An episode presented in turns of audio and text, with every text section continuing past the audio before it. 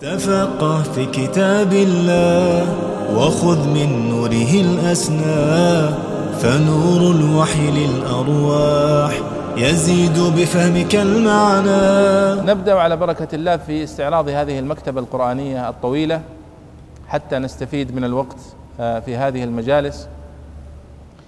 وقد بدأت هذه القائمة بالكتب التي تتحدث عن الآداب وعن المقدمات وسميتها آداب ومقدمات.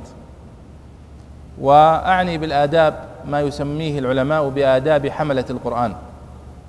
فقد صنف العلماء فيها كتبا ورسائل هي من الأهمية بمكان أيها الإخوة لأن التحلي بالأدب وبأخلاق أهل القرآن في سائر العلم وفي سائر أبوابه شرط لازم لطالب العلم لا يمكن أن نتنازل عنه. وهو شرط من شروط العلم وكيفية التعامل معه والعناية به وتوقيره. وأبدأ بأولها وكنت أريد أن أقول أيها الإخوة قبل أن نبدأ فلا شك أن من أهم ما يعتني به طالب العلم هو حفظ القرآن الكريم وإتقانه. ولذلك لم لم أذكر القرآن الكريم من ضمن هذه القائمة لأنه أصل مفروغ منه. أول الكتب أيها الإخوة كتاب التبيان في آداب حملة القرآن للإمام يحيى بن شرف النووي رحمه الله تعالى. وهذا كتاب صغير الحجم كبير الفائدة. أودع فيه الإمام النووي رحمه الله تعالى طائفة ثمينة من أقوال العلماء ومن الآيات ومن الأحاديث وأقوال العلماء من السلف والخلف. مما صح من أقوال السلف وما صلح من أقوال الخلف في آداب حامل القرآن الكريم وما ينبغي عليه أن يتحلى به من الأخلاق والآداب في طلبه للعلم. وهذا الكتاب أنصحكم أيها الإخوة بقراءته وتكرار قراءته بين الحين والآخر حتى يكون طالب العلم على ذكر من هذه الآداب والأخلاق التي لا ينبغي عليه أن يخل بها. فهذا كتاب التبيان في آداب حملة القرآن للشيخ النووي رحمه الله تعالى كتاب مهم وقد رأيته مطبوعا في في كتيبات صغيرة من حجم كتاب الجيب. يمكن للطالب أن يقرأه ويضعه في جيبه ويكرره في حله وفي آه، إقامته وفي سفره. الكتاب الثاني من كتب الآداب القرآنية كتاب معاصر لأحد الزملاء الدكتور وهو الدكتور إبراهيم بن صالح الحميضي. كتاب بعنوان جمال القراء. عنوان الكتاب جمال القراء. وهو عبارة عن فصول في آداب أهل القرآن الكريم.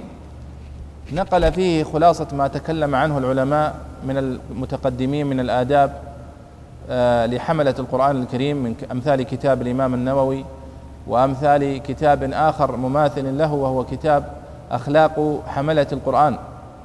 كتاب أخلاق حملة القرآن للإمام الآجري كتاب قيم أيضا. آه، نقل منه الدكتور إبراهيم الحميضي خلاصة وأضاف إليه ما يتعلق بأحكام التعامل مع المصحف آه، وخصوصا الآداب المعاصرة كالتعامل مع المصاحف الإلكترونية والتعامل مع المصحف آه، وكيفية توقيره والتخلص من النسخ التالفة من المصاحف ونحو ذلك. فكتاب جمال القراء كتاب في مجلد لطيف طبعته دار ابن الجوزي آه، يشتمل على كل على جل أو معظم ما تكلم عنه العلماء فيما يتعلق بأخلاق حملة القرآن والآداب والأحكام المتعلقة به. وهو كتاب مختصر آه، يصلح لجميع الطبقات لا تختص به طبقة من طبقات طلاب العلم دون طبقة وإنما يصلح للمبتدئ والمنتهي على حد سواء. الكتاب الثالث كتاب قيم ومهم لطالب العلم عنوانه المدخل إلى التعريف بالمصحف الشريف. المدخل إلى التعريف بالمصحف الشريف للدكتور حازم سعيد حيدر. وهذا الكتاب حديث الصدور صدر عن آه، معهد الإمام الشاطبي بجدة. ضمنه مؤلفه الدكتور البارع حازم سعيد حيدر. مدخلا يصلح أن يكون بين يدي طالب العلم فيما يتعلق بالقرآن الكريم والتعريف به منذ نزول القرآن الكريم حتى اليوم. كيف نزل وكيف عنيت الأمة؟ بالقرآن الكريم كتابة وتدوينا حتى اليوم. وهذه جهود أيها الإخوة جهود قد يغفل كثير منا عن بعض تفاصيله خلال هذه القرون المتطاولة هناك جهود بذلت في خدمة القرآن الكريم. بعضها نعرفه وبعضها لا يخطر على البال. من العناية بالمصحف الشريف وكتابته وتوزيعه وطباعته وتغليفه وتجليده وتذهيبه وإقرائه وحفظه ونقله والسفر به في جهود كثيرة آه، مذهلة. ومن من اللطائف التي ذكرها آه، من الجهود التي بذلت في تفسير القرآن الكريم كتاب سواطع الإلهام لأحد علماء الهند الذي فسر القرآن الكريم تفسيرا لم يستخدم فيه حرفا مهملا آه، حرفا معجما. وإنما فسر القرآن الكريم كاملا دون أن يستخدم أي حرف من الحروف المعجمة. يعني المنقوطة جيم خاء تاء ثاء ما في.